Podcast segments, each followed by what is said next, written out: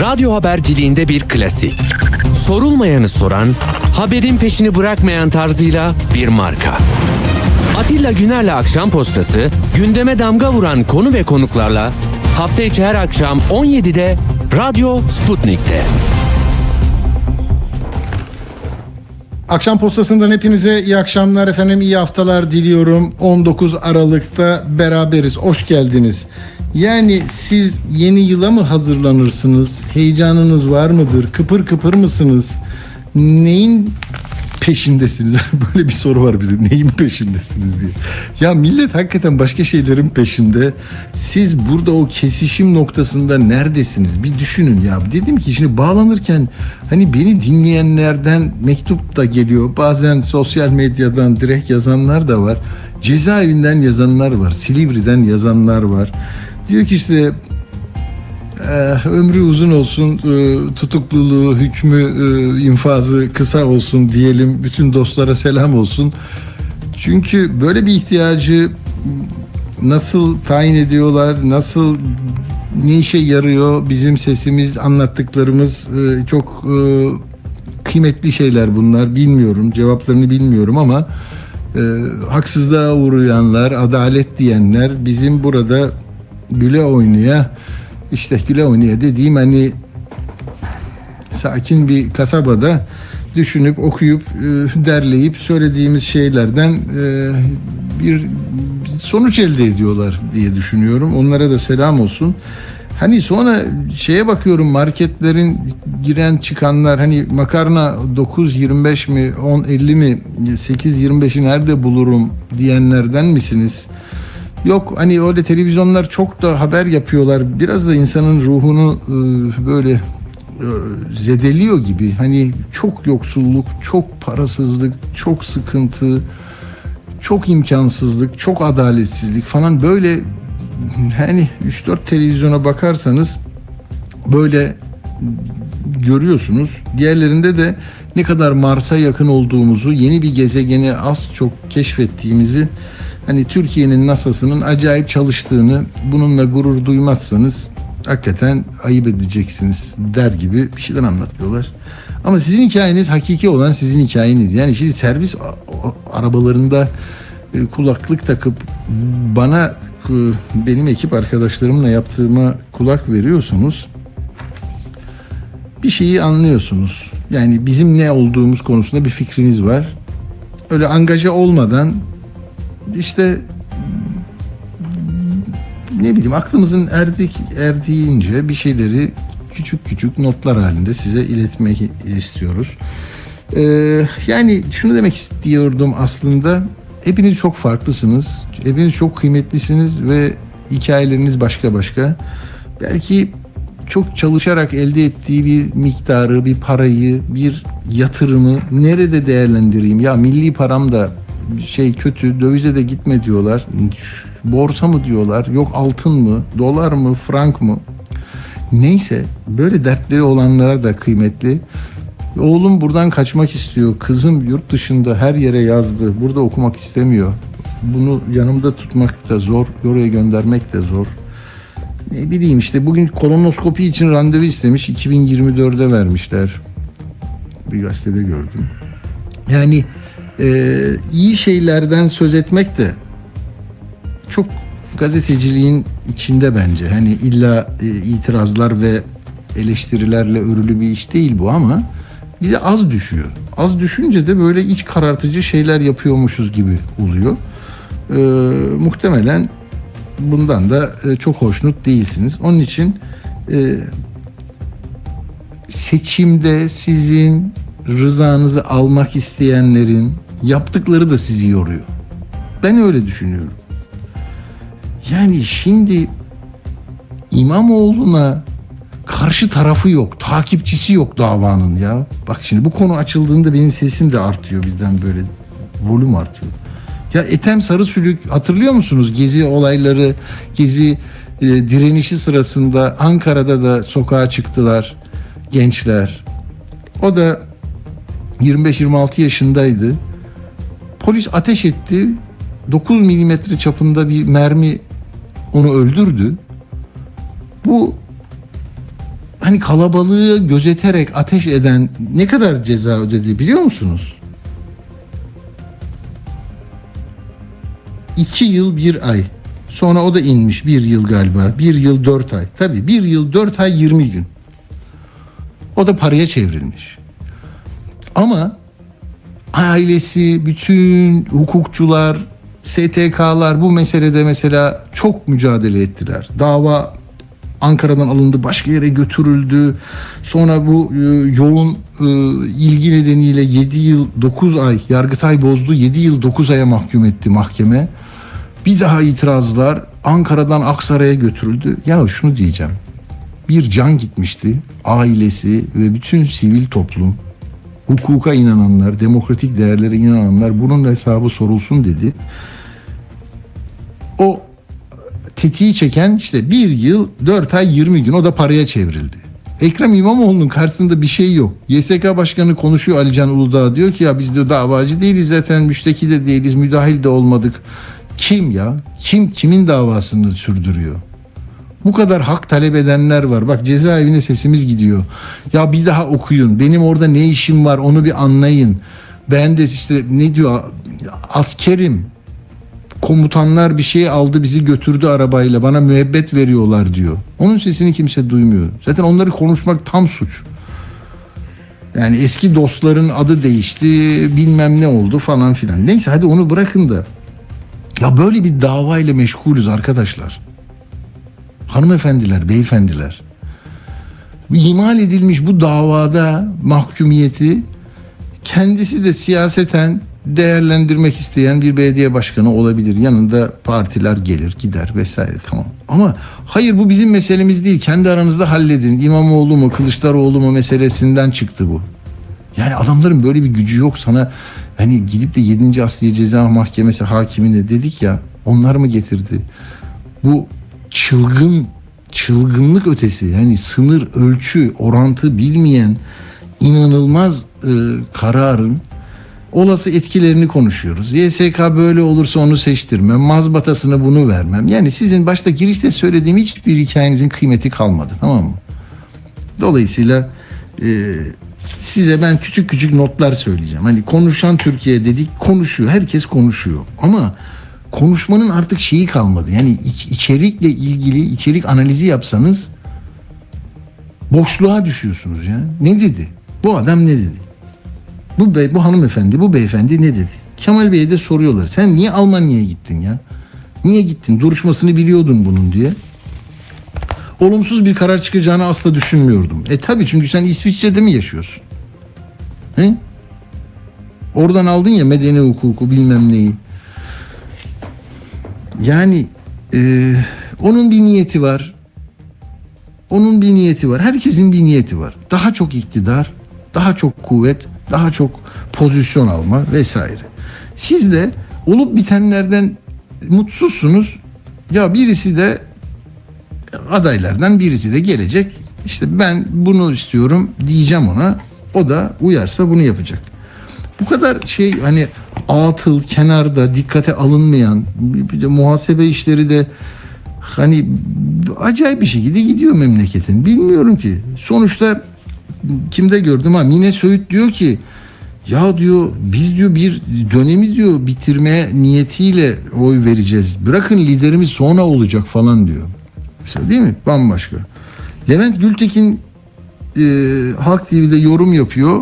Akşener'in basın danışmanı, gazeteci, eski gazeteci Murat İde bir şey yazıyor. Yani olacak şey değil. Hani kızılıyor ya şeye, iletişim başkanına kızanlar oluyor. Yok işte Emniyet Genel Müdürlüğü'nün bir şeyine kızanlar oluyor açıklamalarına. Ya bu, bu arkadaş da e, sadece e, Soylu'nun CNN'deki lafları mı? Bak Halk TV'de de Levent Gültekin yalanlarda bulunuyor diyor. O diyor ki neyi yalanı söyledim beni ara diyor. Halk görüyor ha böyle şeyler. Çarşı karıştı. Demişti ya Özgür Özel o lafı unutmuyorum.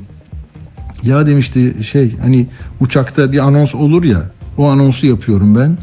Türbülansa girince uçak sallanır ama önceden bunu söylerseniz nispeten katlanılabilir bir şeydir. Ben de şimdiden söylüyorum dedi. Ya epeydir uçak sallanıyor. Yani böyle ineceği meydan da belli değil yani. Yani herkes bu yolculuğun sonunu merak ediyor da sağ salim inelim.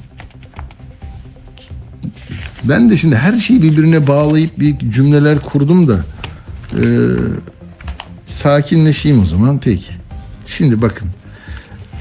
Ya şimdi Soylu'nun söylediklerini bir daha mı söyleyeyim size? Bilmeyenler bilme hakkını kullanmak istiyorlar. Peki. Ne dedi? İstinafla e, Yargıtay verirse kararını onanırsa cezası ben görevden alırım. Şimdi o zaman bir başlık şu değil mi? Kaybedilmiş İstanbul Belediyesi hala rüyaları süslüyor. 163 milyar TL'lik bir bütçesi var. Hakikaten muazzam. 80 bin çalışanı var. İstersen 180 bin yaparsın, alırsın. Ee, otobüslerin var, metron var. Tamam mı? Geçenlerde yine birisi diyor ki bu- bunlar diyor eskiden mitinglere bütün İETT'yi kullanırlardı. E şimdi şimdi CHP kullanıyor yani? Şimdi diyor kullanamıyorlar diyor, mağdurlar diyor. Yani şey üzülüyorlar diyor. Neyse Cumhurbaşkanı adayı olamaz vesaire. Ama bak orada hukuk bilgisi şunu söylüyor. Diyor ki ya ben görevden alırım diye bir şey yok kardeşim. Danıştay 8. dairesi bu iş için var. Kesinleşmiş belediye başkanı ile ilgili karar anında geliyor. Danıştay 8. dairesi başkanlığın düşürülmesi kararını hükmediyor. Bunu İçişleri Bakanlığı'na yolluyor. Ondan sonra alıyorsun. Yani oradan gelecek görevi sırasında bir şey yok. Çalmamış, çırpmamış, e, bir şey olmamış.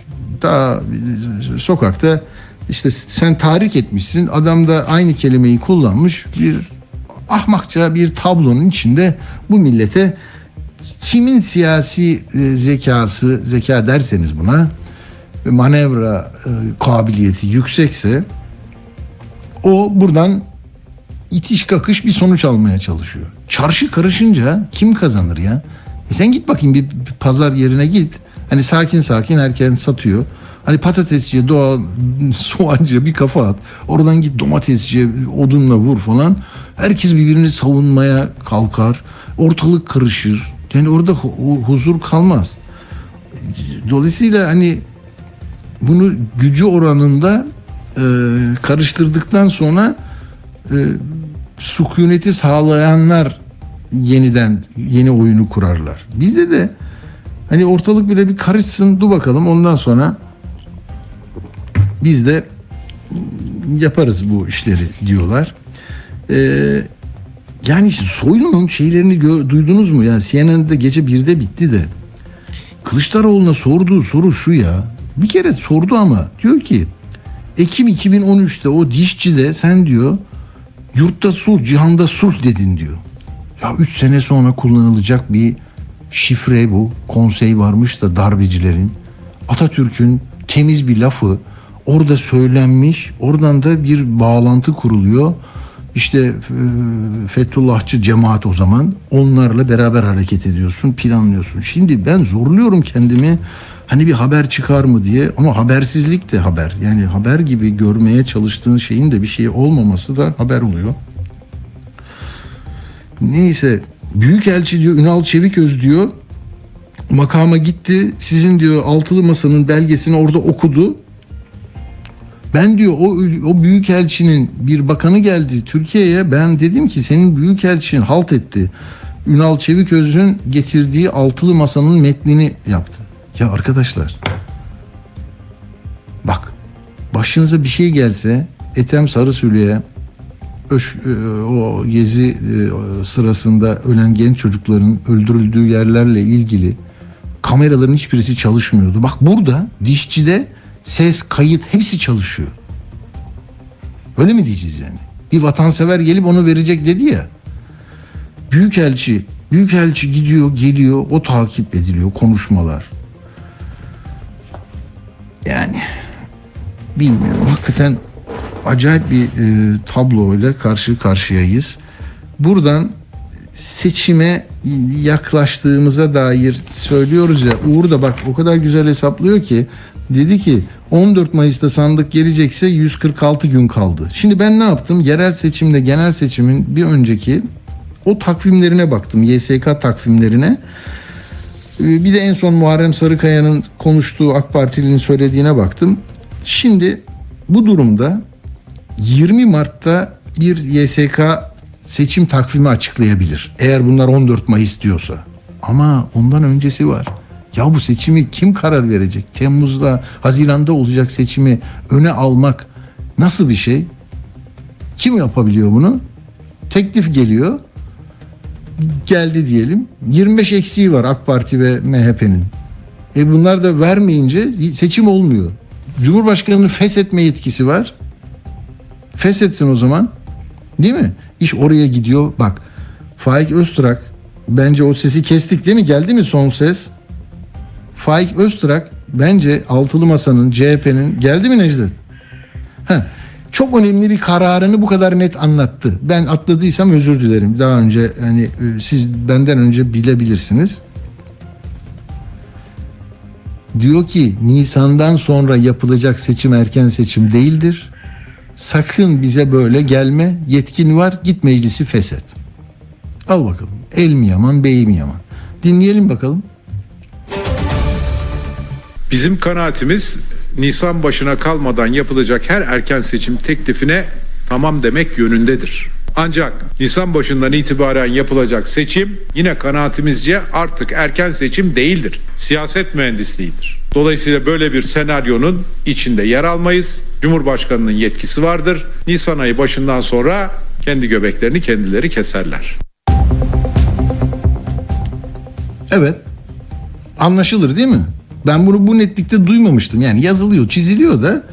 Yani hadi gel seçimden kaçmayın, gelin bakalım e, getirdik teklifimizi deyince e, kaçıyor mu olacak bunlar? Hayır bunlar daha fazla, daha erken istiyorlar. Hemen şimdi gel toplanalım, bütçe bitti, Ocak'ta alalım.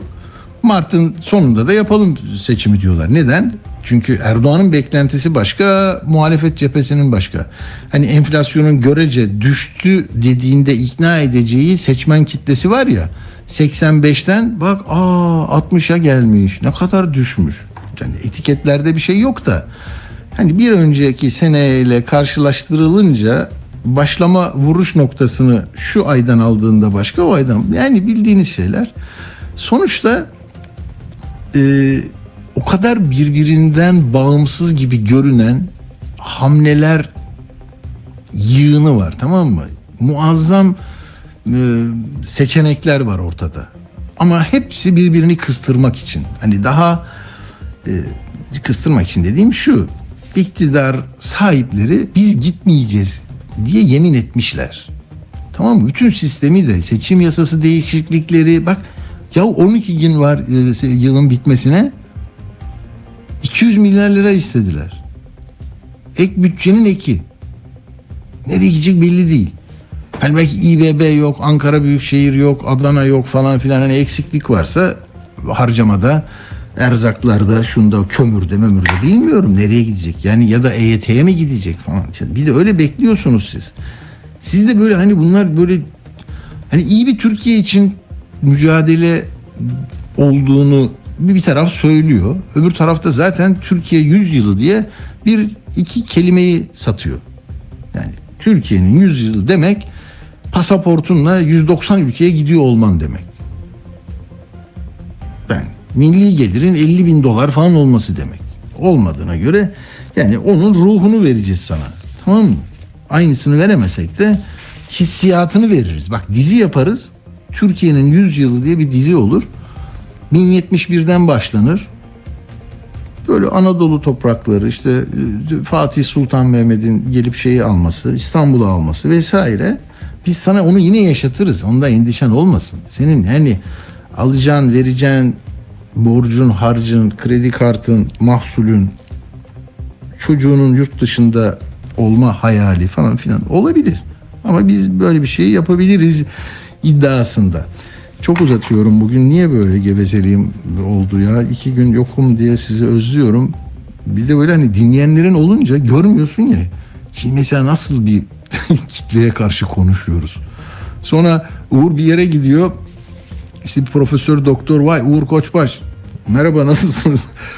Siz o malum radyonun Uğur Koçbaşı mısınız?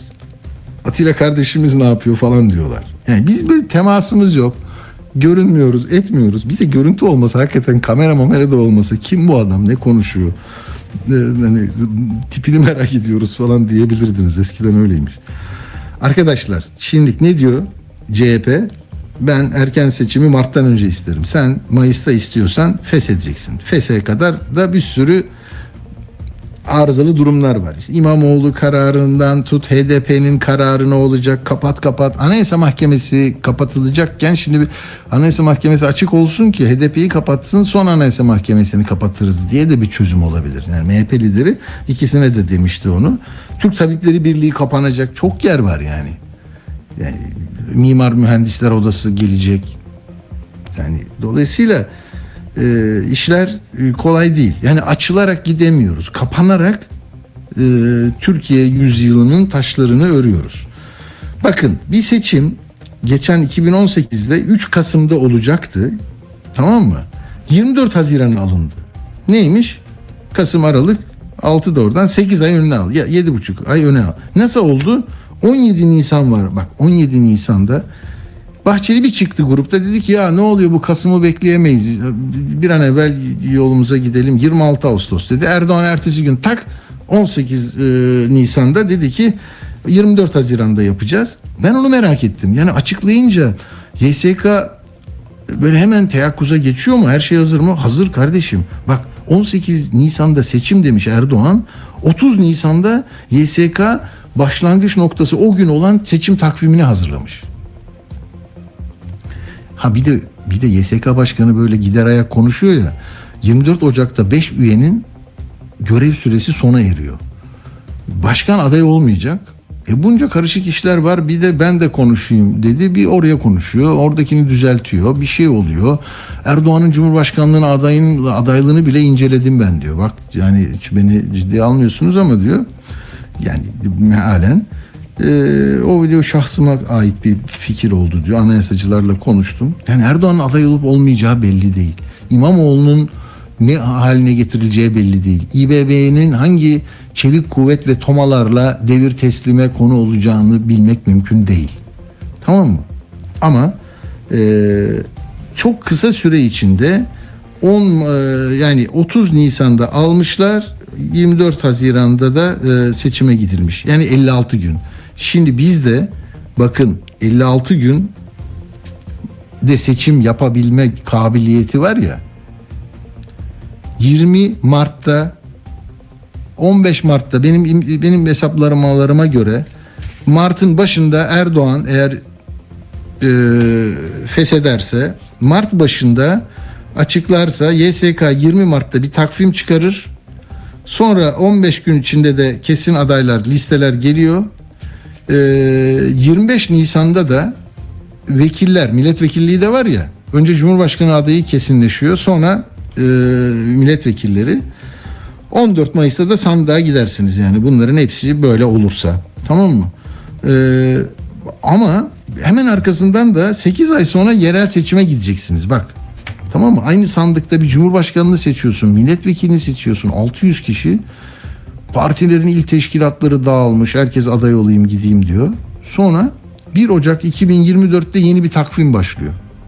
10 Şubat'ta adaylar geliyor. 31 Mart'ta da seçim yapacaksınız 2024'te. Bunların hepsini sağ salim tamam mı? Behemehal yani aklı başında insanlar olarak yapacaksınız da sizin eviniz ne olacak yani mutfak ne olacak? Ulaşım giderleri ne olacak? Elektrik ne olacak? Bu gelenler ne yapacak? İmamoğlu nereden girecek, nereden çıkacak? Meral Hanım ne diyecek?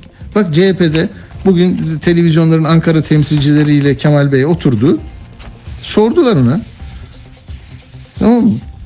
Ee, işte Almanya'yı söyledim değil mi? Yani mesela bana göre de Almanya hataydı yani. Ve Almanya'nın buradaki İmamoğlu davasının duruşması var. Bilerek o gün denk geldi. Yazan çizen de var. O gün iş yokmuş da aslında bekleyeceği insan gelmeyecekmiş ama o yine gitmiş. Tamam olabilir. O da bir şey. Ee, belki erteleneceğini düşünüyordu falan filan. Ama asıl bomba diyor ki ben diyor Saraçhane çağrısını diyor e, sosyal medyadan gördüm İmamoğlu'nun. Onun üzerine gelme kararı aldım. Ben baktım o bir buçukta attı tweet'i. E bir buçukta attıysa size bir, bir saat birde sormuş olması lazım. Hadi beş dakika önce sorsa uçağı bulup Meral Hanım'dan önce oraya gelebilirdiniz. Üç, üç buçuk saatte. Öyle de bir şey olmadı. Ne yapalım diye. Hani dengeler bilmem neler gitti. Meral Hanım geldi de ne oldu peki? Soruyorlar. Si- Siyasi centilmenlik açısından başka bir partinin başka bir partinin belediye başkanına aday olabileceği yönünde açıklama yapmasını nasıl değerlendiriyorsunuz diyor. Diyor ki bir parti başka bir partinin iç işlerine karışmamalı. Her partinin kendi kuralları var. Her partinin kendi iradesi, kurulları var. Değerlendirmesini yapar. Bir sorun varsa işin doğrusu bu diyor. YSK'ya güvenmiyoruz diyor. Ee, Meral Hanım'ın oraya gitmesi İmamoğlu ile hareketi çok tartışıldı diyorlar. Diyor ki Sayın İmamoğlu bir çağrı yapmıştı. Ben de Almanya'da öğrendim çağrı yaptığını. Arkadaşlar ben de Almanya'da öğrendim çağrı yaptığını dediğinde zaten bir tartışmalı alana kapı aralamış olduk. Çağrı üzerine Meral Hanım da gitti. Saygı duymamız gerekiyor. Bir haksızlık, adaletsizlik var. Ertesi günde altı lider benzer tepkileri gösterdik. Yani e, orada da işte konuşmalar yarın yaparız diye Abdülkadir Selvi de bir şeyler yazmış. Yani aslında yarın yapalım e, görüşü de varmış. Yok hemen bugün yapalım demiş Meral Hanım.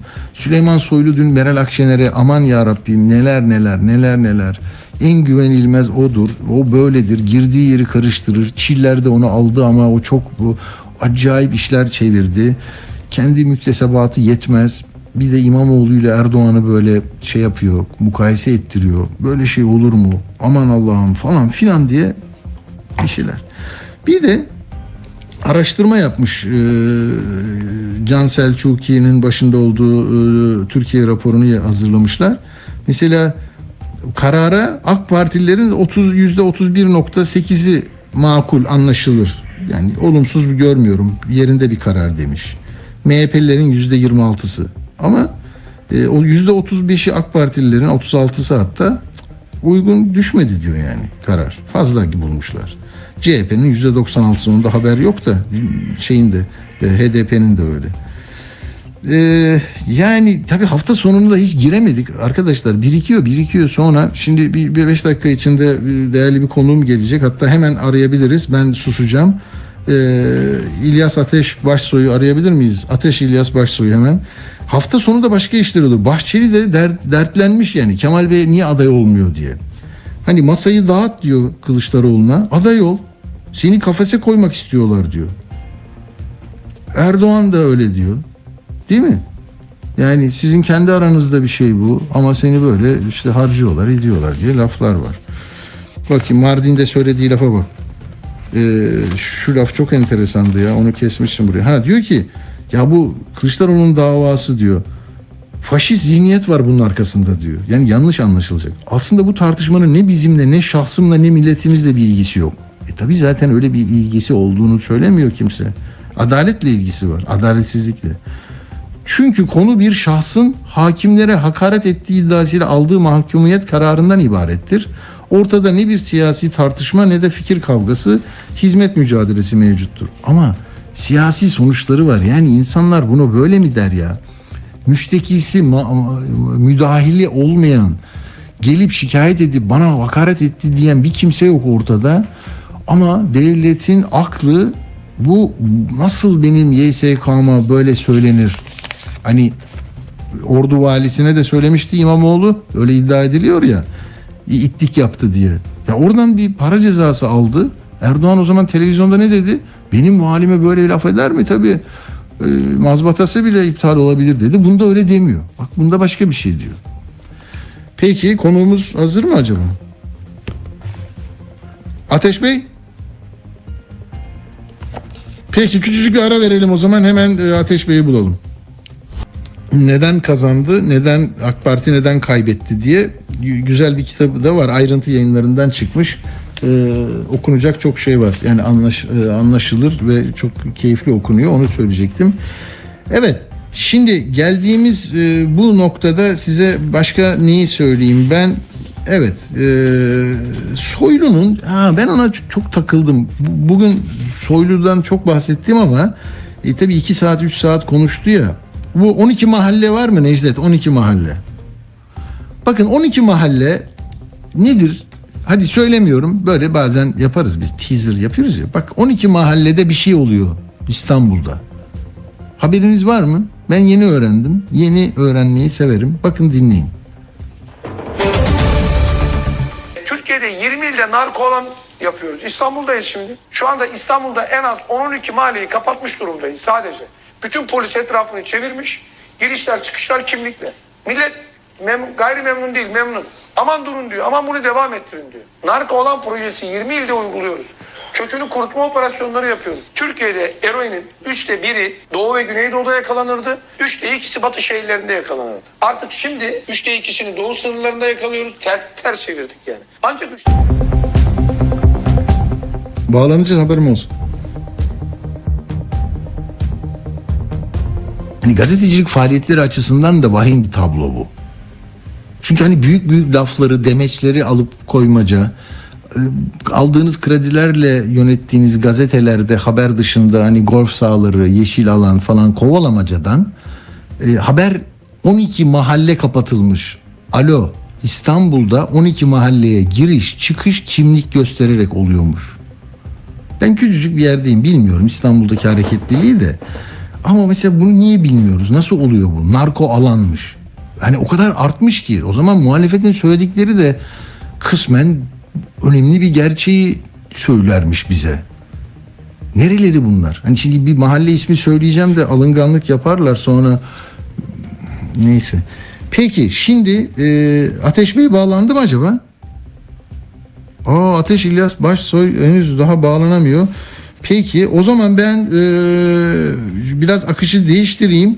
Uğur'u rica ediyorum ben. Uğur bize e, nüfusu anlatacak. Arkadaşlar her yılın sonunda nüfus nüfusla ilgili muazzam bir e, TÜİK bilgisi e, veriler ortaya çıkar. Şimdi o geldi. E, Uğur da ona çalıştı. Ben şimdi gelene kadar bir şeyler söyleyeceğim. Mesela Uğur geldi ama tamam Uğur hızlı hızlı e, Ateş Bey'i arıyorsunuz. Ateş Bey'i bulduğunuzda biz keseceğiz. Tamam mı çocuklar? Hadi tamam Uğur selam. Hadi söyle bakalım Merhaba. e, ne olmuş? Nüfusumuz ne olmuş? Küçük yaştaki evlilikler ne olmuş? Cehaletimiz var mı? Yoksa Cambridge mi olmuş herkes? Cambridge mezunu. Şimdi nüfusumuz 84.6 milyona ulaşmış. Hı. Ortanca yaşımız sürekli yükselmeye devam ediyor. Ortanca yaş nedir? İşte Türkiye'de bütün insanları diziyorlar bir sıraya. En küçükten en büyüğe sıralıyorlar. En ortadaki adam e, ortanca yaş oluyor. 33.1. Yani bu 30'lardan süreçte ne kadar sürede buraya gelmişiz? hemen söylüyorum. E, şu anda e, 32.4'ten 33.8'e çıkmış. Kadınlar 10 yıl önce Ee, 10 yıl önce hemen bakıyorum. 20'ler mi? 20 20 20'lerde hep 20 28 29'larda yani sürekli artan bir trendi var. Hem kadınlarda hem erkeklerde artan bir trendde gidiyoruz. Yani bu 1930 Genç nüfus diye övünüyorduk ya ya değil mi ya? Evet, Genç nüfus 19'larda diyorduk. 18'lerde olan Türkiye çok genç nüfusu olan bir ülke denilen e, ortanca yaş. Yani Avrupa'daki trendi biz de Ya, e, takip yaşlandık işte. ama biraz daha yavaş takip ediyoruz ama yine de takip ediyoruz. Bak benim kızımın doğduğu 1985'te yaş ortalamasıymış. Medyan yaş, ortalama yaş 20 no- 21.2'ymiş. Şimdi 33.8. Muazzam. Evet, evet. Peki Uğur. Şimdi nüfus artış hızımız da bizim e, sürekli azalan bir trenddeydi. E, doğurganlığın azalması, insanların ekonomik gerekçelerle e, daha az çocuk yapması, çekirdek ailelerden de biraz sonra bahsedeceğim zaten. İnsanlar e, yavaş yavaş tek çocuğum olsun, çekirdek aile olayım e, ya da hiç çocuk yapmayayım, kendi başımıza yaşayalım e, düşüncesine geldikleri için doğurganlık düşüyordu ve nüfus artış hızı azalıyordu. Bunda en büyük azalmayı da biz 2020'de yani e, bundan e, yani bir sene önce açıklanan verilerde gördük.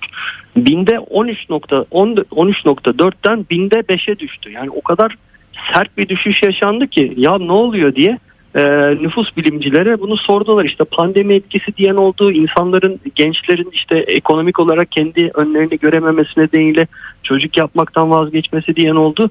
O kırılma e, bir anda şimdi tekrar toparlandı. E, bugün açıklanan istatistiklerde binde 12.7'ye çıktı. Şimdi bunun anlamını e, yarın zaten Hmm. bir telefon bağlantısı yaparak bir nüfus bilimciyle konuşacağız. Ama ilginç bir nüfus artış hızımızda yükseliş var. İki kat bir artış var. Kadın erkek nüfusumuz eşit e, ama e, yani nüfus piramidi denilen işte bu e, yaşlara göre insanların nüfus yoğunluğunu sıralıyorlar. Bizim piramidimiz yavaş yavaş şişmanlamaya başlıyor. Bu da e, ortanca yaş yani orta yaştan sonra ki nüfusumuzun giderek arttığını, genç nüfusumuzun da giderek azaldığını gösteriyor. Mesela çocuk nüfusu 21 yılda 7,5 puan azalmış. Türkiye'de mesela e, 2000 yılında %30'u nüfusun çocukmuş. Şimdi %22.4'e düşmüş. Çok büyük bir düşüş. Ama buna rağmen 19 milyon çocuk var. Yani 10 Hı hı. çocuktan kastım da 0-14 yaş grubu. Yaşlı nüfusta 2000'lerden itibaren sürekli hızlı bir şekilde artıyor. 2000 yılında %5.7'ymiş şimdi 9.7 yani 8.2 milyon yaşlı olarak tanımlanan 65 yaş ve üstü e, nüfus var. Benim çok dikkatimi çeken e, bir istatistik okuma yazma bilmeyenler %2,5. Bu çocuk istismar davasında da e, gündeme gelmişti. O 6 yaşındaki e, çocuğun okuma yazma bilmediğini açıklamıştı Aile Bakanı. Şimdi hala Türkiye'de %2,5 yani 2 milyon 115 bin kişi ya çok yüksek bir rakam bu ya. Yani bazı Kadın erkek toplam mı söylüyorsun? bu. Kadın erkek toplam söylüyorum. Kadınlarda tabii daha yüksek. 1 milyon 764 bin kadın okuma yazma Okumuyor, yazmıyor. Türkiye'de. Evet. Ve evet bu istatistik e, sürekli geriliyor ama mesela %4,5'muş geçen sene şimdi 4.2'ye düşmüş kadınlarda. Erkeklerde artmış oran enteresan bir şekilde 0.7'den 0.8'e çıkmış. Şimdi Yani ilk bak- öğretim mecburi her iki çocuğu alıp götürüyorlardı, okutuyorlardı. Demek ki Yani- yine burada bu yapılar yüzünden mi acaba oradan oraya gidiyorlar vesaire? Yani, yani bu- bunu şeylerin sosyologların e, mutlaka bir şey. değerlendirmesi gereken bir şey.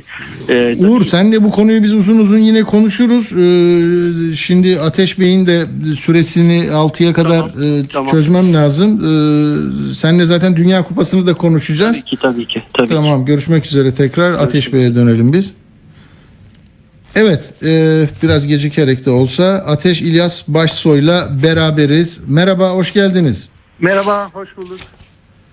Evet e, yani Reklam Yaratıcıları Derneği Başkanlığını da yaptı. E, pek çok kampanyayla biliyoruz ve ben de eksikliklerimi tamamlamak için Seveceksen Radikal Sev bir de e, hepimiz aynı belediye otobüsündeyiz okudum. E, şimdi buradan tabii böyle biraz notlar da çıkardım. Türkiye karışık, çarşı karışık. E, ş- herkes o, o oylarla birlikte bir şey inşa etmeye çalışıyor. E, Türkiye e, nasıl bir Türkiye'ye doğru gideceğimizi bilmiyorum ama sizin Adalet ve Kalkınma Partisi'ni iyi çalışarak e, vardığınız bir sonuçlar var. Ben not almışım. Diyor ki e, AKP mesela yolları diyor ihtiyaca göre değil e, siyasi tercihe göre yaptı. Mesela halka hizmet değil rakibe hezimet e, duygusu daha önemli. Burada oradaki mantığı anlamaya çalıştım. AKP büyük oyunu görenlerin partisidir. Mesela dünya 5'ten büyük, 15 Temmuz büyük e, şey, e, bir kumpas, büyük bir şey. Ya bunlarla mücadele eden e, muazzam güçlü liderler ve büyük binalar, büyük yollar, köprüler inşa eden devasa bir siyasal e, irade. Böyle mi? Yani gösterilmek istenen bu mu? Yani işte onlara e, çabalıyorlar, öyle şeyler gösteriyorlar. Hmm. Başarılı da ol- oldular tabii ki büyük oranda. Bu e, Hmm. o kitapta zaten şey de yazıyor. E, aslında haberlerle falan değil. E, onlar artık e, çok kimse onları tüketmiyor. E, dizilerle e, garip diziler çıkartarak hani olmadık tarihi başka türlü bir tarih yaparak hani gerçek tarihi karakterlerin aslında olmadıkları gibi göstererek yani onlar e, sanki hep bugüne bir şey oluyor. Yani bugüne e, o seyreden bir izleyici aa bu tıpkı şu andaki şunlara benziyor falan diyor. Amaç da o zaten. E, yani böyle bir böyle bir büyük paralarla büyük bir prodüksiyon yapıyorlar. Yani e, çok zenginler, çok büyük güçleri var. Ve bunu yıllardır yapıyorlar. O yüzden de iyi öğrendiler. Çok kadroları var. Hani e, şey bu konularda başarılı. Değil mi? Mesela sevenleri üçe ayırmışsınız. Onu da e, dinleyenlere e, söylemek isterim. Kitabı okumalarını önerdim zaten. Hani yoksullar, siyasetsiz seçmenler ve ak elitler diyorsunuz. Ee, ya- yani AKP giderse ayakta kalamayacak kırılgan e, olanlar bu elitler. Siyasetsiz E, seçmene yüzde bir değil. Yani yüzde bir Değil. Çok- onları AKP'nin çok dikkate almıyorsunuz. Ama hep onları görüyoruz bu arada. Yani çünkü niye Değil gitsek Nusret'te gidiyoruz. Nusret de dahil hepsi öyle insanlar. Yani hani çok paraları Hmm. var. Böyle acayip bir ortamlar, dar ceketler giyiyorlar filan. Akşener onu çok güzel tarif etti. Geçen grupta hatırlıyor musunuz? Ee, Böyle öyle dedi yani çok çok tam bu sizin yazdığınız gibi demek ki bu konuşuluyor. Hani daracık böyle bir bileklerinde biraz yukarıda biten bir pantolon. İşte Evet, sivri evet. ayakkabılar, jöleli saçlar Çok falan diye böyle karikatürize etti de. yani. Ee, paraları da çok onları çok görüyoruz. Yani şu Galata Port'a gidin bin tane görürsünüz onlarda. Ee, Hmm. Ama bir de e, iki aslında e, iki tane daha seçmen var. Onlar çok büyük bir grup. Yani yüzde elli aldığını varsayalım AKP'nin.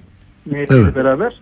Ee, o yüzde ellinin yarısı neredeyse e, yoksullar ve yoksulların oy kararını değiştirmek çok zor. Çünkü onlar hani sokak röportajlarında görüyoruz ya çok bağlılar. Mesela bu dayılar falan var hep cep telefonu soruyorlar. O dayıların cep Evet. telefonu sormasında da aslında arkası böyle hüzünlü derin bir hikayeler var. Yani bunlar hep bu e, 12 Eylül sonrası gençliklerini yaşarlarken çok ezilmişler. Yani devlet diye hep dayak görmüşler. Hani böyle e, yoksulluklar çekmişler, hastane kapılarına beklemişler falan. Onlar şu anda hani bu 50 yaşındaki insanlar diyeyim, 50-65 o yaşlardaki insanlar AKP'yi çok savunuyorlar. E, o dayılar. Ama e, bir de yoksullar var e, şeyin içinde. Bir de pardon siyasetsiz seçmenler var. Hı hı. Siyasetsiz seçmenlerde iş değişiyor. Yani bu her geçen gün AKP'nin oylarını eriten bir sosyolojik bir durum var aslında. Yani ikinci nesil, üçüncü nesil kentliler. Yani belki babası, nine, annesi göçmüş veya anneannesi, dedesi göçmüş e, şeyden, Anadolu'dan, e, bir köyden veya kasabadan. E, ama onlar artık kendini İstanbul'da, İzmir'le, Bursalı falan hissediyorlar. Yani iki, çünkü hep orada yaşamışlar. İşte bu insanlar AKP'nin temel e, gücü olan hemşiricilik derneklerine pek gitmiyorlar. Yani bunlar hani hüzünlendiklerinde memleket düşünmüyorlar. Çünkü memleket Bursa'nın sokakları onlar için veya işte İstanbul Hı. e, şey deniz kenarı. Yani onlar Hatta bir benzetmeniz var. Eve girdiğinde paltosunu çıkarmayan çıkarmayanların partisi. Ha evet bir de öyle bir benzetme var. O yani bir insan hani e, düşünün böyle bir ev var sıcak kışın gelmiş paltosuyla. Önce ve herkes ona bakıyor. O da kimseyle konuşmuyor içeride. E, insanlar da paltolu insan diyorlar ona. O da e, öyle dedikçe paltosuna sarılıyor. Ama ne zaman bir diyalog başlıyor, konuşma oluyor, paltosundan da sıkılıyor, koyuyor kenara. İşte o palto onun sımsıkı sarıldığı e, o hemşericilik duyguları. E, ama zamanla o kentteki insanların da onun gibi bir insan olduğunu, aynı şeyler düşündüklerini, aynı dertleri olduğunu falan hissettikçe onlar kentleşiyorlar. O yüzden de bu yerel seçimde 2019'da hani biraz doğru bir cümle eksik olduğu için biraz yanlış anlamalara yol açıyor. Mesela şöyle deniyor hani HDP oy verdiği için İmamoğlu seçildi veya diğer Hı. 100 tane yerde seçim başarısı oldu. Bu kısmen doğru. E, aslında tamamı şöyle. HDP oy vermesine rağmen kentte yaşayan milliyetçiler, e, ülkücüler, kentin büyük bölümü e, HDP de oy veriyor olmasına rağmen İmamoğlu'na ve diğer belediye başkanlarına oy verilir. Çünkü onlar Hmm. da HDP seçmeni de e, aynı çocuklar işte aynı sitede yaşıyorlar. Beraber aynı okula yolluyorlar çocuklarını. Akşamleyin iki konuşuyorlar e, sitenin bahçesinde filan. Ve git gidiyorlar ki ya biz düşman filan değiliz. Kardeşiz biz arkadaşız. O Fenerbahçeli ben Galatasaraylı. Hani e, aramızda şey var. Çok öyle büyük farklar yok diyorlar. Yani bir arada barış içinde kardeş yaşamayı savundukları için bu iki grup da birden hani e, yıllarca AKP'nin Erdoğan'ın hani hem Karadeniz'de hem Güneydoğu elinde tutması la o %50'leri alıyordu. Şimdi artık o yeni nesillerle Erdoğan yaşlandı artık 70 yaşına gidiyor. E, o yeni nesillerle beraber e, o duygular onun sarıldığı duygular artık çok e, şeyi yok. E, çok işlerli yok sokakta. O yüzden de insanlar şu anda hani 30-40'lı yaşlarda olan şirketlerde çalışan e, işlerde çalışan insanlar birbirlerini böyle bu eski ayrımlarla, eski nefretlerle e, ötekileştirmiyorlar. Yani toplumda aslında çok güzel barış var. Türkiye nasıl bir hayli model ülke. Biz şu saçma kavgalardan sürekli o gerginlik yaratma politikalarından bir kurtulsak e, göreceğiz ki dünyanın mucize ülkesindeyiz yani. Coca-Cola mucize diye reklam yapıyor. Keşke yapmasaydı. Bence mucize olan mucize olan Türkiye. Yani ben bir siyasi parti olsam o reklamı yaparım yani. Bizim mucizeyiz gerçekten. Bütün Peki şimdi kolay. 20 yıl 20 yıl iktidarda olan bir partiye bloğa karşı bir şeyler söyleniyor. Siz o 2019'da bütün o illerdeki kampanyalarda e, çok özgün şeyler yaptığınızı anlatıyorsunuz kitapta onu da öğreniyoruz. Şimdi ne peki? Şimdi ne söylenmesi daha makul geliyor? Şimdi yapıyor musunuz böyle bir göreviniz var mı onu da bilmiyorum. Yok, Soramadım size görevim ama. yok. Görevim yok. Şu an bence pek o kadar e, doğru bir söylem yok muhalefette. O yüzden biraz endişeliyim. Yine şu e, Kılıçdaroğlu'na 2009'da ilk seçimine girdiğinde biliyorsunuz belediye seçiminde organize dürüstlük diye bir kampanya yapmıştı. Ve bu Evet. organize hırsızsınız demek. Bütün yani flu bir şekilde bütün AKP seçmenine. E, o zaman yaptığı hatalarla ne zaman bu yolsuzluk e, bilmem ne hesap soracağız söylemlerini öne çıkartsa CHP inanılmaz bir şekilde reaksiyon oluyor e, karşı taraftan. Çünkü insanlar diyorlar ki ya ben sen bana ne yapacağını anlat. Yani sen geldiğinde sürekli devrisallık yapacaksan sürekli böyle kavga edeceksin hesap soracaksan Türkiye'de bir sıcak para var. Herkes kimse aptal değil. Herkes biliyor ki fabrikalardan gelmiyor Türkiye para. Böyle bir sıcak paranın gelişiyle bir, bir şey dönüyor. Yani böyle bir ta- tarifi zor olan bir şekilde bir para var Türkiye'de. Ee, En son net hata 90 e, 90 gelmiş 26 milyar dolar. Evet. Evet yani bu, bu şimdi bu işlerin olduğu bir yerde o insanlar diyorlar ki ya bu CHP bunları hiç anlamıyor. Hiç bu kafadan bir şey konuşmuyor. E bunlar zaten ekonomi şu anda bir garip bir ekonomi var. E, bunlar giderse diyor AKP'den hoşnutsuzlukları da var bu yeni kitlerin. Hani o siyaset seçmeni şu anda. Ama yine de e, muhalefetten hiç bu konularda bir laf duymadıkları için e, dönüp dolaşıp bence e, AKP'ye verme e, riskleri var. O benim şu an içimi yiyen bir durum yani. Hani şu an 2019 yerel seçimdeki gibi bir söylem yok. 2019 yerel seçiminde bizim söylemimiz yani Tayyip Erdoğan'ı görmezden gel. Ona insan, onu sevenler ona bir rockstar gibi bakıyorlar. Çok hayranlar. Hiç konuşma onunla ilgili. E, ama onu seven insanlar da Türkiye'nin emekçileri, Türkiye'nin yoksulları. Onlara da sevgini uzat. Yani onlar seni sevmese bile. E, E Şimdi helalleşme mesela onu karşılamıyor mu? Bir helalleşme çıkışı. Helalleşme karşılıyordu. Yani güne güzel şeyler vardı ama şu an bir bakın her lafta Allah belasını versin nasıl diyoruz yani. Her lafta bir beddua, her lafta hesap soracağız. Yani nasıl bu noktaya geldik bilmiyorum. Şu 6-7 ayda e, o iyiye gidebilecek söylem e, birdenbire eski her seçimde kaybettiren söyleme dönüştü CHP'nin söylemi. Bu belki CHP içindeki hani koyu CHP seçmenini e, çok etkiliyordur. Çok hoşuna gidiyor olabilir belki insanların. Bunlar %25. Yani Tabii işte pasif diye pasif diye eleştiriyorlar ya o yüzden belki de. Ha işte belki onun için yapıyordur ama işte bu da böyle bir iki e, ucu şey de değnek yani hani Evet. %51 ile seçim kazanıyorsun. Yani HDP İyi Parti'yi ekle yine %45 oluyorsun ki file olur. HDP'den de İyi Parti'den de. Yani ben bu söylemle gidilirse Ekmelettin İhsanoğlu'ndan veya Muharrem İnce'den bile e, daha kötü oy alınabilir. Endişesi Oo yaşıyorum. çok çok Bu- ciddi bu bir şey kadar söylüyorsunuz. Yani evet yani yani şu anda e, insanlar herkes inanmak istediğine inanıyor. Benim görevim de bazen hani şey olsa bile böyle bu taraftan yanılmayı da çok isterim bu arada. Ama Hmm. hep şu hesap soracağız e, söylemi yani bugüne kadar 12 yıllık seçimlerde gördük ki defalarca en yoğun olduğu hatırlarsanız 2014 seçimiydi. E, bu tapelerin olduğu seçim. Hırsızlar mırsızlar diye sürekli kürsüden şu o seçimde normalde AKP'nin bitmesi gerekiyordu. AKP bütün yerel seçim biliyorsunuz. Bütün illeri aldı. Yani Evet. CHP tarihinin en büyük yen- yen- şeyini, e, yenilgisini yaşadı o seçimde. Yani bu lafların en yoğun olduğu zamanda.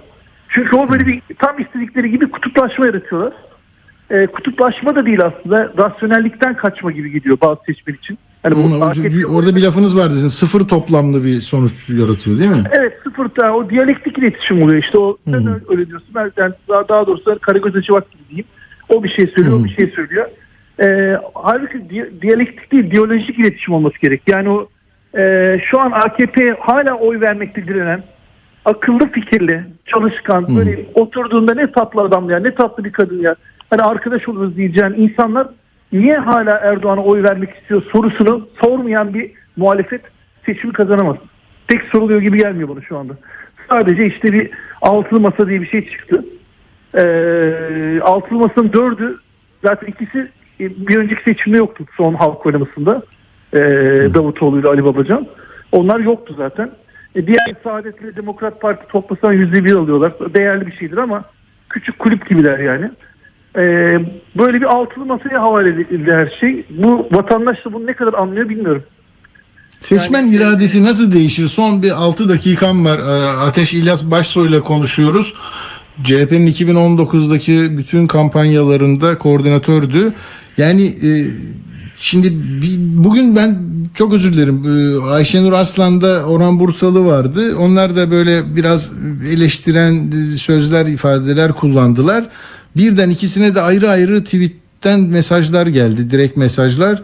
Ne yapıyorsunuz? Bittik biz. Bu kadar olumsuz şey mi yapıyorsunuz? E, Moralimiz bozuyorsunuz e, gibi. Yani şöyle bir de mahalle ve tribün e, şey yapıyor. E, Eleştiriyi de kabul Ama etmiyor. Mayıs'ta Yani moralimiz 5 yıllığına bozulacağını şu an bozulsun da bir şey düşünelim. Yani Hmm. Mayıs'ta olduğunu varsayarsak e, o çok Evet. bozuldu e, biliyorsunuz e, şeyimiz bugüne kadar moralimiz. Yani e, aslında yapılacak çok karışık bir şey de yok hocam. 2019'da biz ne yaptığı hatırlasalar onu unutmuş gibiler.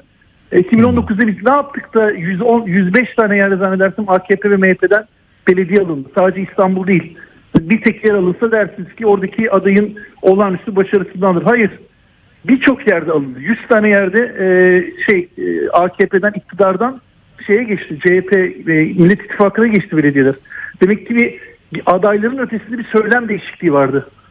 E, veya adaylar bile o söylem yüzünden gel- gelmişti. Hani ne yaptık? 2019'un en temel durumu şu. e, herhangi bir masaya, masadaki herhangi bir insanlara sorulmadı adayların kim olacağı. Yani o zaman da masa var. Diyelim ki Meral Akşener'le Kılıçdaroğlu ittifaklardı. Onlar da masaya oturabilirlerdi. Alırlardı ellerine kalem. E, şuraya şu adayı, şuraya şu adayı yapalım, aday gösterelim derlerdi. Ama öyle yapmadılar. E, Gökhan Günaydın'la başlayan CHP'de sonra Seyit Torun'la devam eden gelenek kurumsallaştı ve her şehirde aday halka sorularak seçildi. 2019'da halka sordular. Yani İstanbul'daki halka sordular nasıl bir belediye başkanı oy verirsin? Halkın verdiği cevaba en uygun kişi İmamoğlu olduğu için İmamoğlu seçildi. Birilerinin peki Cumhurbaşkanlığı için aynı soruyu sorsalar ne olur? Ne- neden yapılmıyor? Bu, şimdi ben onu soruyorum işte. Yani Hmm. e, sana 2019'da başarı kazandıran önceden halka sormaktı. Şu an niye halka sormuyorsun? Altılı masa diye kozmik bir kavram karar veriyor. Yani altılı masadaki sadece iki masa siyasi parti e, halk oylamasına girmiş ve şey olmuş, bü- büyük oy almış iki tane parti var. Ve onlar da dört yıl önce halk oylamasına girmişler. Yani biz şu anda öyle 2-3 kişiye soruyoruz yani. Ben de diyorum ki niye 2019'da olduğu gibi halka sormayalım? Halk ne diyecek bakalım? Halk Belki e, onlar ama soruyordur. Ateş Bey olmaz mı öyle? Hani bir anket yaptırırlar araştırma şirketlerine. Belki öyle şeyler de olacak ileride. umarım, umarım oluyordur. Yani CHP yapmasa e, şey yapıyordur. Değil mi? İyi İyi Parti Parti, yapıyordur. yapıyordur. E, Ali Babacan yapıyor. Deva Partisi yapıyordur. Yani e, Peki. onlar bakacaklar ne çıkacak bakalım. Peki son 3 olan- dakikamız e, Kararı değil halkın kararı. doğru. Peki e, Erdoğan açısından e, ne ne dersiniz son 3 dakikada? Yani o nasıl kuruyor, kurguluyor? İmamoğlu'na verilen o karar, işte erken seçim mi, e, her Vallahi neyse ne- yani nasıl gidiyor? İktidar kanadının mesela şöyle düşünelim. Ben tamamen Erdo- AKP taraftarı bir insanım. AKP'nin reklamcısıyım diyelim ki. Tamam mı? Hı hı. Ee, dedim ki abi siz ne zaman şu İmamoğlu'na böyle şey yaptınız bir VIP salonundan sokmadılar biliyorsunuz. Ordu'da Evet. VIP salonu Aleyna Tilki'nin geçtiği vi- VIP salonundan küçük rapçi, rapçi genç çocukların geçtiği VIP salondan e, 16 milyon kişinin e, işte seçildiği bir Evet. e, seçilmiş bir insanı sokmamaya kalktılar. Ne oldu? E, akıl almaz 10 puan farkla kazandı İmamoğlu seçimi. E şimdi de böyle bir şeyler yapıyorlar. Kendisi de zaten böyle bir e, mağduriyet üzerinden e, çıktı Erdoğan. Bunu en iyi bilen kişi. Kim veriyor bu akılları bilmiyorum. Yani böyle bir küçük şeyler. Şimdi diyorlar işte eşcinseller üzerinden gidelim de hani millet de şey zannetsin. Aa bak bunlar eşcinselleri savunuyor filan. Millet e, yani eğer muhalefet e, saçma konuşmazsa, mantıklı konuşursa millet bunları yemez asla. Ee, ben insanların akıllı olduğuna, Türkiye'nin de akıllı e, insanlara sahip olduğunu düşünüyorum. Yani herkes sonuçta çoluğun çocuğun geleceğini düşünüyor. Ama muhalefet e, akılsızca davranırsa e, seçimi yine kazanır AKP. Bu- Bunu diyenler olunca işte e, şey oluyor, tartışma büyüyor. Ama vakit var. E, Yani ben şu kazansın ben radyocu olarak benim için e, koyduğumuz yani ilkelerden hareketle daha iyi bir Türkiye derdindeyiz. Başka bir meselemiz yok ama dediğiniz gibi çok önemli. Herkesin önünde e, LGBT mi başörtüsü mü yoksa bunlar mı gibi bir e, tercihe e, zorlanacak bir tablo yok Türkiye'de. Yok. Değil mi? O- Bunlar onu- onu- istemez yani. Şu an gidin sokaktaki AKP seçmeni olan o benim siyasetsiz seçmenlerim, akıllı fikirli insanlar var ya. Onlara söyleyin güler geçerler. O, kimsenin hayatta gündeminde böyle bir konu yok. Ya. Mesela AKP seçmeni de %90 tarikatlara karşı. Türkiye seçmeni %95'i karşı. Yani ben Erdoğan'ın danışmanı olsam derim ki abi sen neden bu e, 90'lardan kalmış şeylere böyle tutundun? Bak Türkiye bambaşka bir yere gitti. İnsanlar çok olgunlaştı falan derim. Ama Evet. hala o şeylerle e, e, ama maalesef karşıdaki insanlar da e, hiç pozisyon değiştirmediğinden buna rağmen kazanabilir. Yani toplum değiştiği halde toplum adına konuştuğu varsayılan liderler değişmezlerse e, bugüne kadar kazanan gene kazanmaya devam eder. Birilerinin toplumun değiştiğini görmesi gerek artık. Ki gördük Evet, gibi bu-. Bu önemli. İstatistiklerde bile yansıyor. Ee, Bunları yani TÜİK'in açıkladığı nüfus demografik yapılarda bile görebiliyoruz. Kültür saraylarında, sergi salonlarında, açık havada bile görüyoruz. O az önce söylediğiniz şeyi ben de gözlemliyorum. Çok teşekkür ediyorum Ateş İlyas Ben Başsoy size. Ee, Bir de o dinleyenlere hani e, seveceksen radikal sev kolay okunuyor. Çok iyi bir dönemi anlatan e, bir e, siyaset siyasal iletişimci reklamı iyi bilen bir e, kalem birisinin kaleme aldığı kitap diye okun, okunası bir kitap diyorum. Çok teşekkür ederim katıldığınız için. Teşekkür ederim. Hoşçakalın.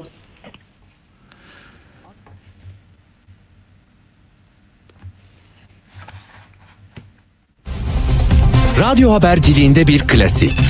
Sorulmayanı soran, haberin peşini bırakmayan tarzıyla bir marka. Atilla Güner'le Akşam Postası, gündeme damga vuran konu ve konuklarla hafta içi her akşam 17'de Radyo Sputnik'te.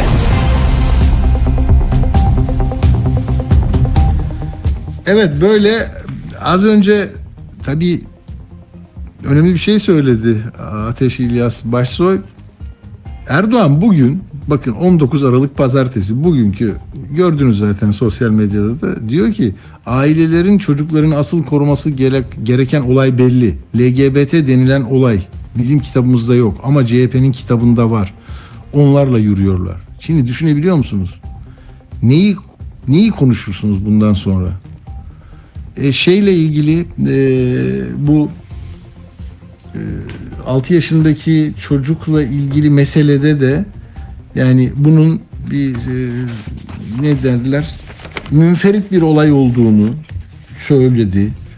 Bir de ya yasak kaçak bir bina o. Onu mühürletti ya İstanbul Büyükşehir Belediyesi. Ona da mesela çok acayip sert bir şekilde çıkış yaptı. Yani sen ne yapıyorsun? Önce bir yaptığına bak. Orayı nasıl kapatırsın sen?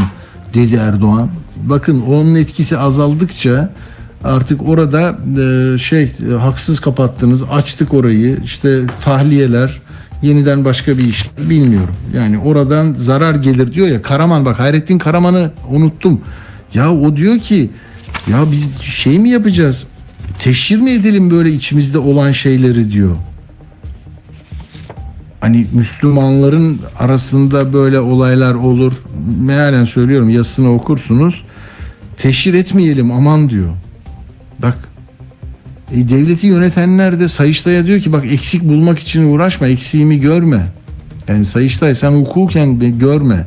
Sen di- dindar olarak buradakileri görme. Ama neyi gör ya da yoksa bile ne olduğunu göster LGBT olduğunu göster. Ailelerin çocuklarını asıl koruması gereken olay belli. LGBT. Yani uyuşturucu değil, işsizlik değil.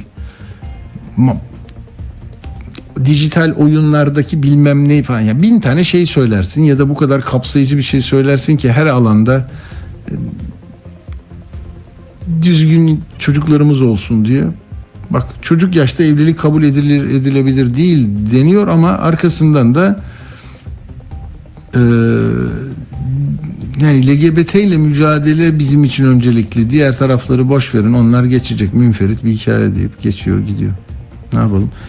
Peki ama e, bir saniye e, bu HDP il başkanının bir e, sıkıntısı vardı. Oradaki son gelişmeyi bana arkadaşlarım iletti mi bilmiyorum.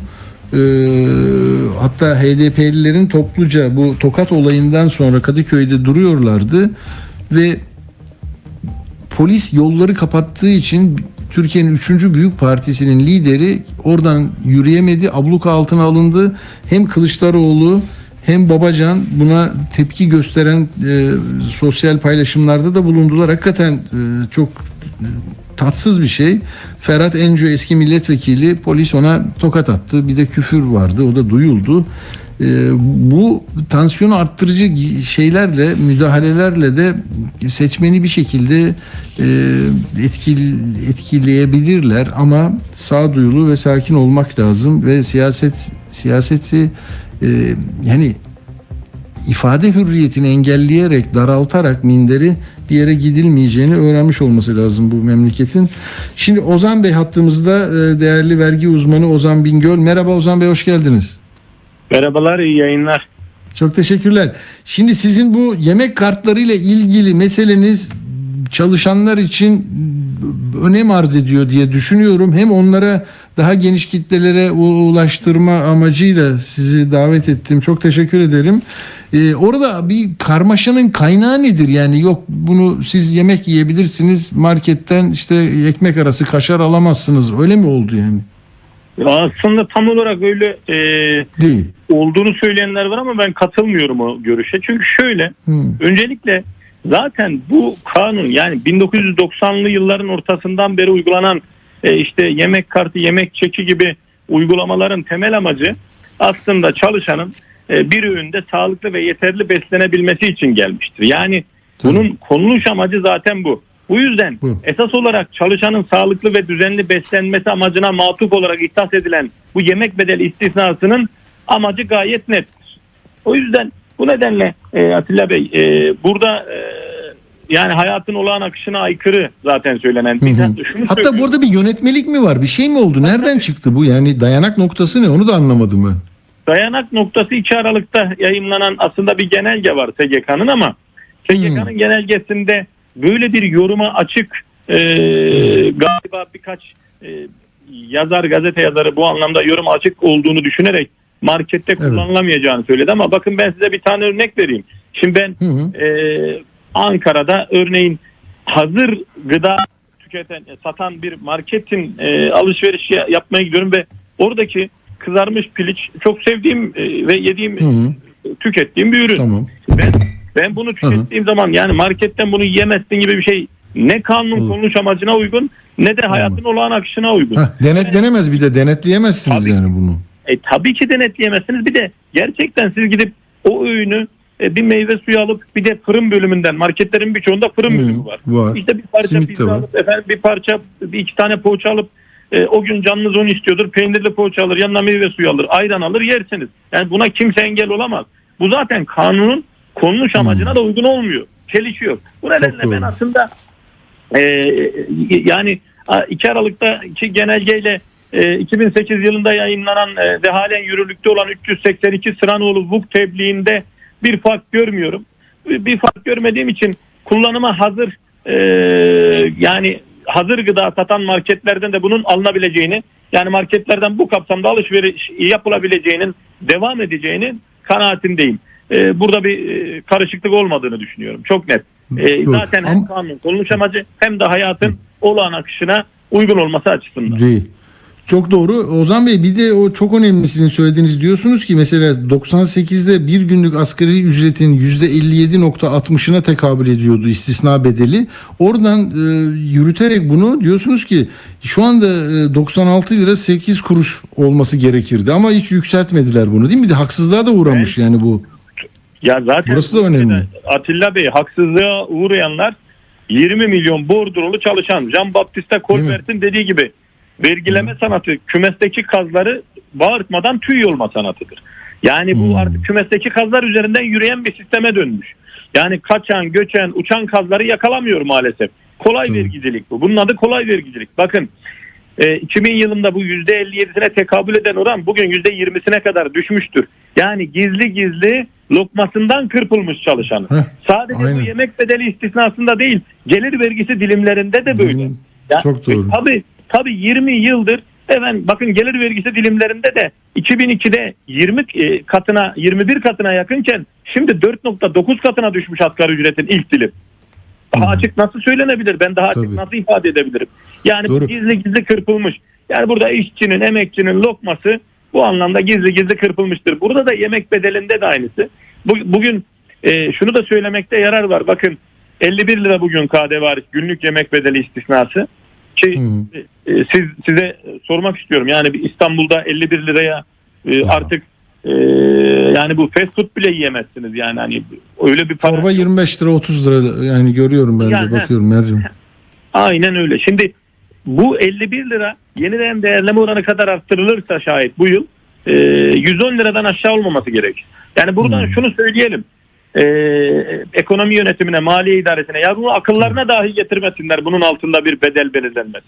Yani bu Ha, zaten- çalışacak çalışacakları bir konu istiyorsalar bunu çalışsınlar. Yani bunu değil mi hak ma- ma- mahrumiyeti var burada. Bunları arttırsınlar. Yani 50 E, lirayla burada olmayacağını şey düşünsünler. varsa, e, buyurun burada en güzel e, önümüzdeki konu bu. Gelir vergisi Bu. dilimleri öyle, ulaşım istisnası öyle, yemek bedeli istisnası öyle. Bakın bugün 110 liranın altında hiç akıllarına dahi getirmelerini düşünmüyorum. Bu hak kaybı demektir bu çalışan için. Evet. Yazıktır, günahtır. Yani bu enflasyonun e, bu kadar yüksek olduğu, alım gücünün bu kadar düştüğü bir dönemde derinleşen yoksulluk, derinleşen fakirleşme ama birilerinin büyüyen porsiyonu maalesef karşımıza çıkan. Ayrıca ayrıca şunu da söylemek istiyorum müsaadenizle.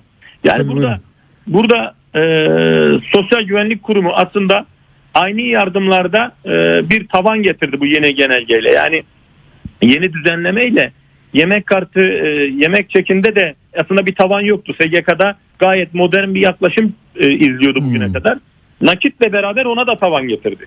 Oysa kanun çok açık. 5510 sayılı kanunda SGK yönetim kuruluna aynı yardımlar konusunda bir limit belirlemeye yetkisi verilmemiştir.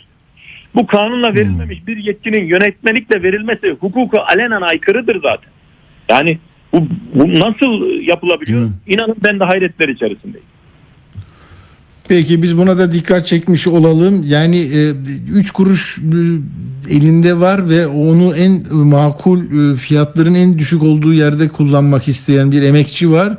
Sen onu orada değil git yemeğini ye şurada ye falan böyle e, hakikaten şey değil makul değil anlaşılır değil. E, Çok teşekkür ediyoruz Bir de, e, bir Ozan de Bey. son olarak şunu da Buyurun. söylemek istiyorum Atilla Bey. Şimdi bakın burada hatırlarsanız asgari geçim indirimine dönecek bu işte. Yani Hmm. şu an geçici bir refah yaratacak nakit ödendiğinde ama yarın bir gün örneğin bugün 6 bin lira alan çalışan önümüzdeki yıl ya 8 bin lira zam aldığında e, ayrıca gidip ya yan hakkım olan yemek bedelimi yatırmadınız dediğinde işverene şöyle bir cümle kurduğunda hiçbir şey söyleyemeyecek. İşte o 8 bin Hmm. liranın içinde yemek bedeli de var dediğinde hiçbir e, aslında söyleyebileceği bir şey kalmıyor maalesef. Bu da aslında Çok yan iyi. hakkın, yan hakkın, işçinin, çalışanın, bordrolunun yan hakkının kısa vadede maaşın içinde eriyerek fiilen anlamsızlaşma haline, anlamsızlaşma riskini taşımaktadır.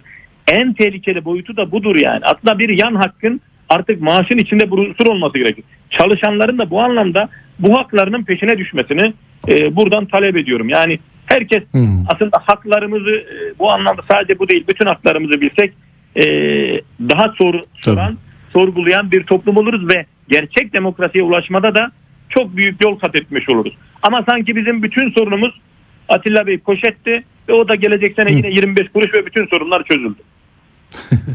Çok doğru. Çok teşekkür ediyoruz e, Ozan arada- Bingöl'e. E, çok yerinde değerlendirmelerle e, ufuk açtınız. Çok sağ olun efendim. Çok teşekkür ederim. Ben de önümüzdeki yıl 25 kuruşa satılacak poşetin içindeki bakanlık payı ve KDV'nin şu halinde Cumhurbaşkanı yetki kullanmazsa 65 kuruş olduğunu da söyleyelim. Çok hoş. Peki Görüşmek çok sağ olun. İyi akşamlar diliyorum. Sağ olun. Evet, e, hakikaten böyle yani zaten emeğin milli gelirden aldığı pay işte 32.4'tü 26'ya düştü. En son bilgim o, o yöndeydi. Bir, bir de bu tür ufak ufak oyunlarla sıkıntılar devam ediyor ama işte o, sen ama hani yönetensin ve tek güçsün 12 gün var yılın bitmesine 200 milyar daha kullanacağım diyebiliyorsun. Onu da e, bir kenara not edin. Evet, şimdi bir iki söyleyeceğim şey vardı. Onlarla sonra hemen Uğur'a bağlanalım ama Uğur'dan önce belki sona bırakmayayım onu çocuklar. Şeye Ergin Konuksever du- duydunuz değil mi bu ismi? Duymayanlar da olabilir. Ergin abi e, benim gazetecilik hayatımda gördüğüm e, ender insanlardan birisi. Nasıl söyleyeceğimi bilemedim ama yani herkesi de e, rahatsız etmiş olmayayım. E, çok seversiniz ya hani insanlığını, üslubunu, konuşmasını, oturup kalkmasını, kültürünü, emeğini, çalışkanlığını, aile vesaire yani her açıdan e, işçi haklarını, emekçi hakkı, gazetecilik haklarını koruma konusunda müthiş birisiydi. Kaybettik. Hafta sonu da e, toprağa verildi Ergin Konuksever. E, yani işte 85 yıllık ömrüne o kadar çok şey sığdırdı ki biz hepimiz genç gazeteciler onun yani yeni başladığımızda o zaten çok kıymetli bir yere sahipti. Hep de paylaşırdı anılarını.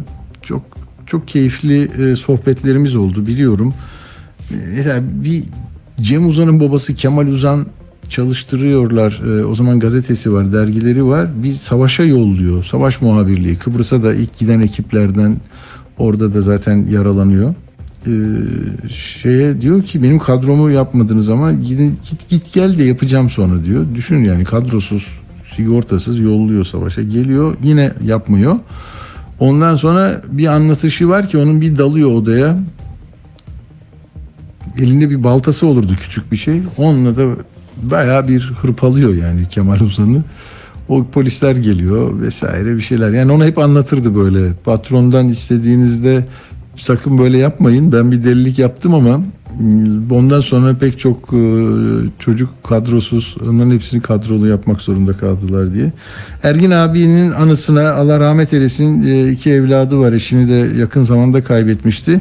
Onun Habertürk'te Öznur Karslı Çetiner. O da e, çok e, iyi e, bıcırık bir gazeteci. Benim eski e, çalıştığım gazetede başlamıştı ilk. O da m, çok iyi bir e, haber e, yapmış. Oradan size Ergin abiyi bir e, tanıtmak istiyorum. Ya da tanıyanlara da onun unuttuğumuz sözcükleriyle vedalaşalım diyorum. Deniz'i getirdiler bakanlığa. Tutuklu tabii. Deniz ne vardı? Bir şey yok abi dedi merak etme dedi. Askerler vardı suda. Dedi hatta onlara da şey etti. Ben dedim emekçiye ateş etmedim dedi. Ateş etmem dedi. Abi bizi galiba asacaklar dedi. Bir akıllan dedim öyle şey var. Asacak ne var dedim. Seni niye assınlar? Yok yok asacaklar abi bizi göreceksin dedi. Bülent Bey Türkiye'yi anlatmak için Romanya'ya gitti Çavuşescu ile beni götürdü bir folklor gösterisi var. Bülent Bey böyle masada yanında da hanımı var. Güzelce bir roman kızı. Boynunda bir kaşkol var şöyle atmış. Uçları yere değiyor iki taraftan. O kız dans ediyor erkeklerin önünde. Ama hiçbirini beğenmiyor. Tek tek tek tek beğendiği erkeği arıyor. Konusu öyle. Bulamadı beğendiği erkeği. Sonra dans ediyor. Geldi Bülent Ecevit'in karşısında dans ediyor. O kaş kolunu çıkardı. Böyle Bülent Bey'in attı böyle bir çekti. Bülent Bey'i dudağından öptü. Şimdi bizim arkadaşların da hepsi yemek yiyor. Aldır aldır. Bir tek ayakta benim köşede. ben çıkam. Tak dedim bir tane bastım. O günün akşamı dönüyoruz oradan. Bülent Bey oraya helikopterle gelmişti ama sizin gibi döneceğim dedi. Bülent Bey bana yanıma geldi. Buyurun Bülent Bey. Ya dedi, bir şey rica edeceğim dedi. Sen git git dedi. Seni tanır dedi zaten dedi. Tamam teskin et dedi. Hanım dedim, ben sizi sinirlendirmişim galiba. Bir şey mi oldu? Bülent'i öptüler diye dedi şey olmadı olduğunu zannetmeyin dedi. Ama dedi burası bir komünist ülke dedi biliyorsunuz. Şimdi dedi sizin dedi o Bülent'i öperlerken ki resmi dedi gazetede kullanırsanız dedi. Herkes der ki dedi bunlar komünistlerin ülkesine gittiler. Orada alem yaptılar der dedi Bülent. Bir bayram günüydü. Güzel bir röportaj olabilir dedim benim bir yazı olur. Ben kalktım İslamköy'e gittim. Süleyman Demirel diye gelecek diye bek gelmedi. Köy kahvesine gidiyorum kahvede oturuyorum. Efe dayı dedikleri bir adam var.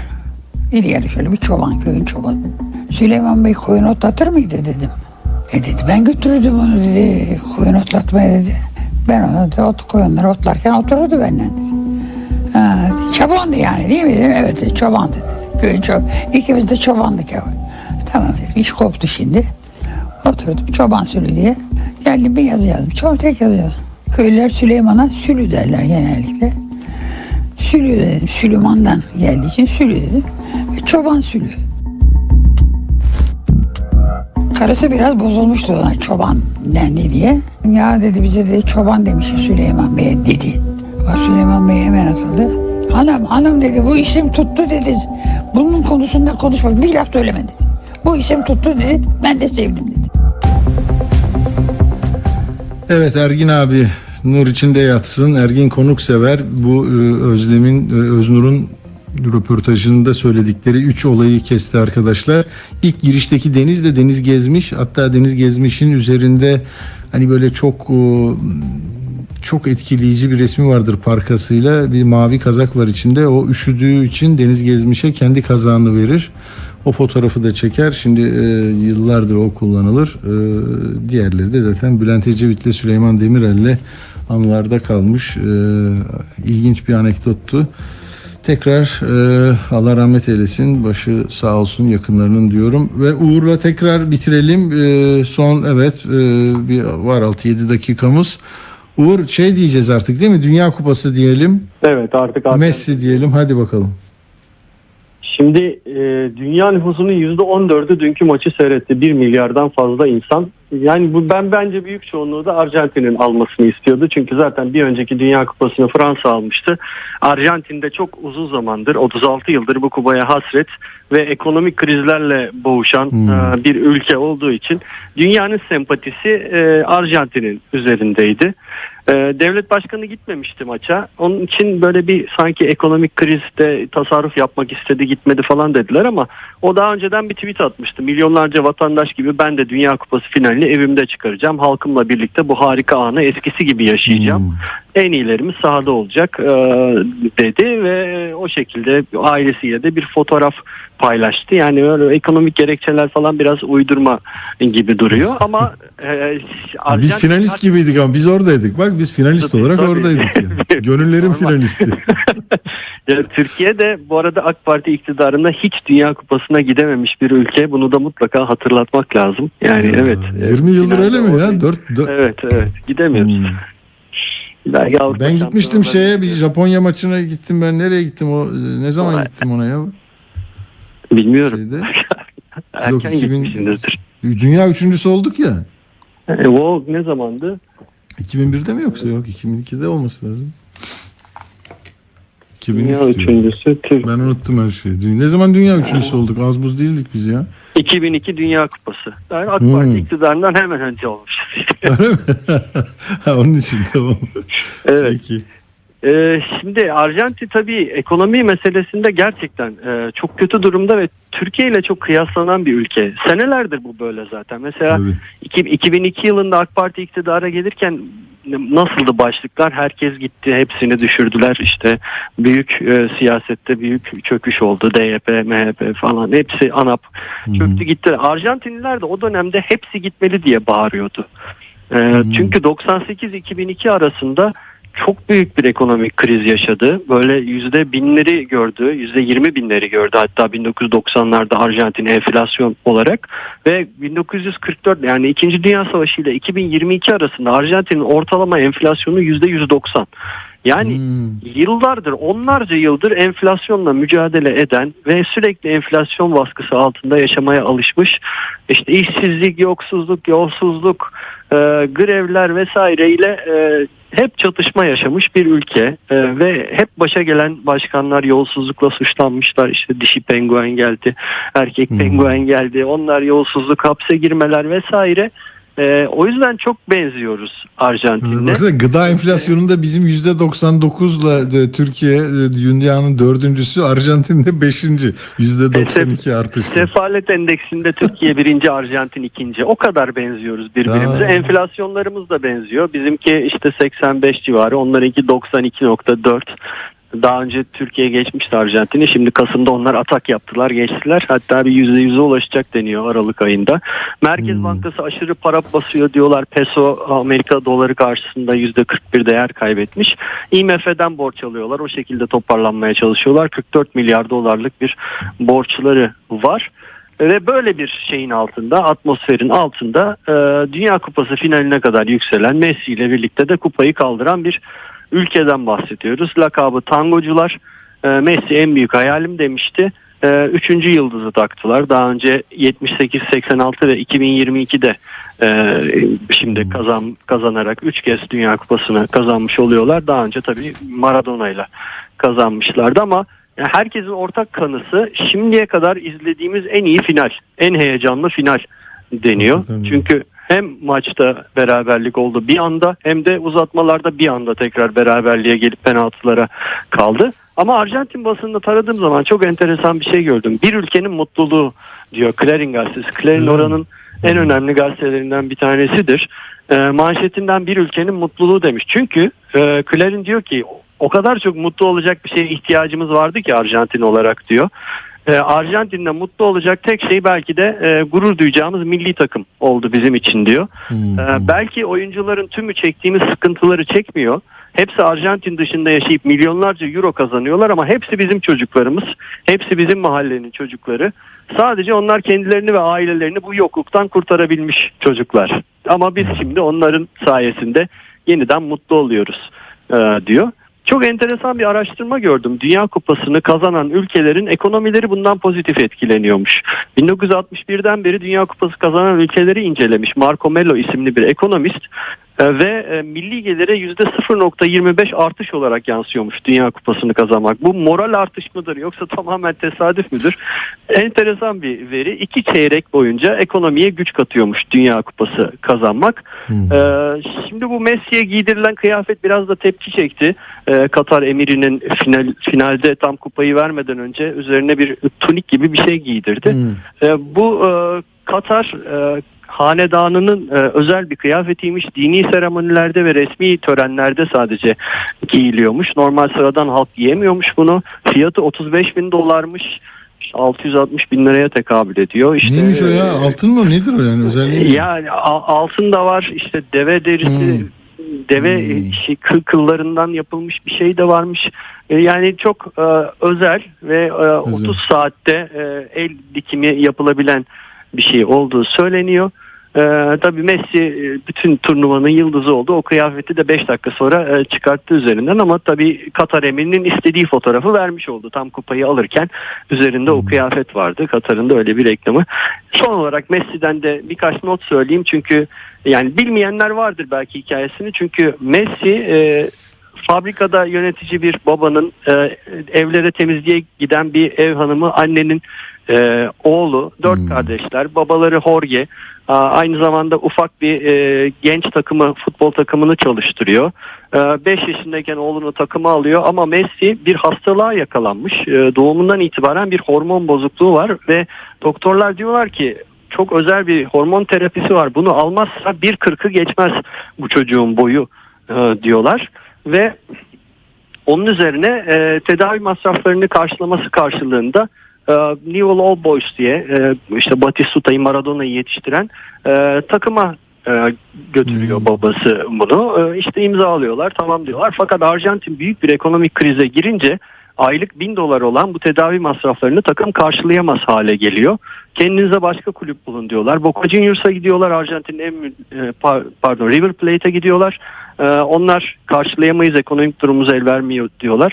En sonunda Barcelona'ya öneriliyor Messi ve daha 8-9 yaşındayken Messi gidiyor. e, Barcelona'nın genç takımında hadi bir forma giydirin de görelim şu çocuğu diyorlar. O maçta 5 gol atıyor. E, bu çocuk bu çocuk buradan asla çıkarılmayacak sözleşme imzalatılmadan diye Johan Cruyff e, çocuğu gördükten sonra Messi'yi gördükten sonra talimat veriyor. Peçeteye sözleşme yazıyorlar. Ee, Ve diyorlar ki bütün artık masraflarını biz karşılayacağız bu çocuğun. Ee, sizin de aile olarak bütün masraflarınızı biz karşılayacağız. Bundan sonra Barcelona'nın yıldızı olacak bu çocuk diyorlar ve her, hakikaten de Barcelona'da yıldızlaşıyor. Ee, Messi'nin de böyle bir hikayesi var. Güzel. Güzel topladı Uğur Koçbaş. Çok teşekkür ediyorum Uğur. Sağ olasın. Ben teşekkür Biz de ederim. süreyi Görüşmek geçmeden hemen herkese iyi akşamlar. Sizi seviyoruz. Yine de seviyoruz. Hadi hoşçakalın. Atilla Güner'le Akşam Postası sona erdi. Radyo Sputnik yeni yayın döneminde de dop dolu. Ali Çağatay,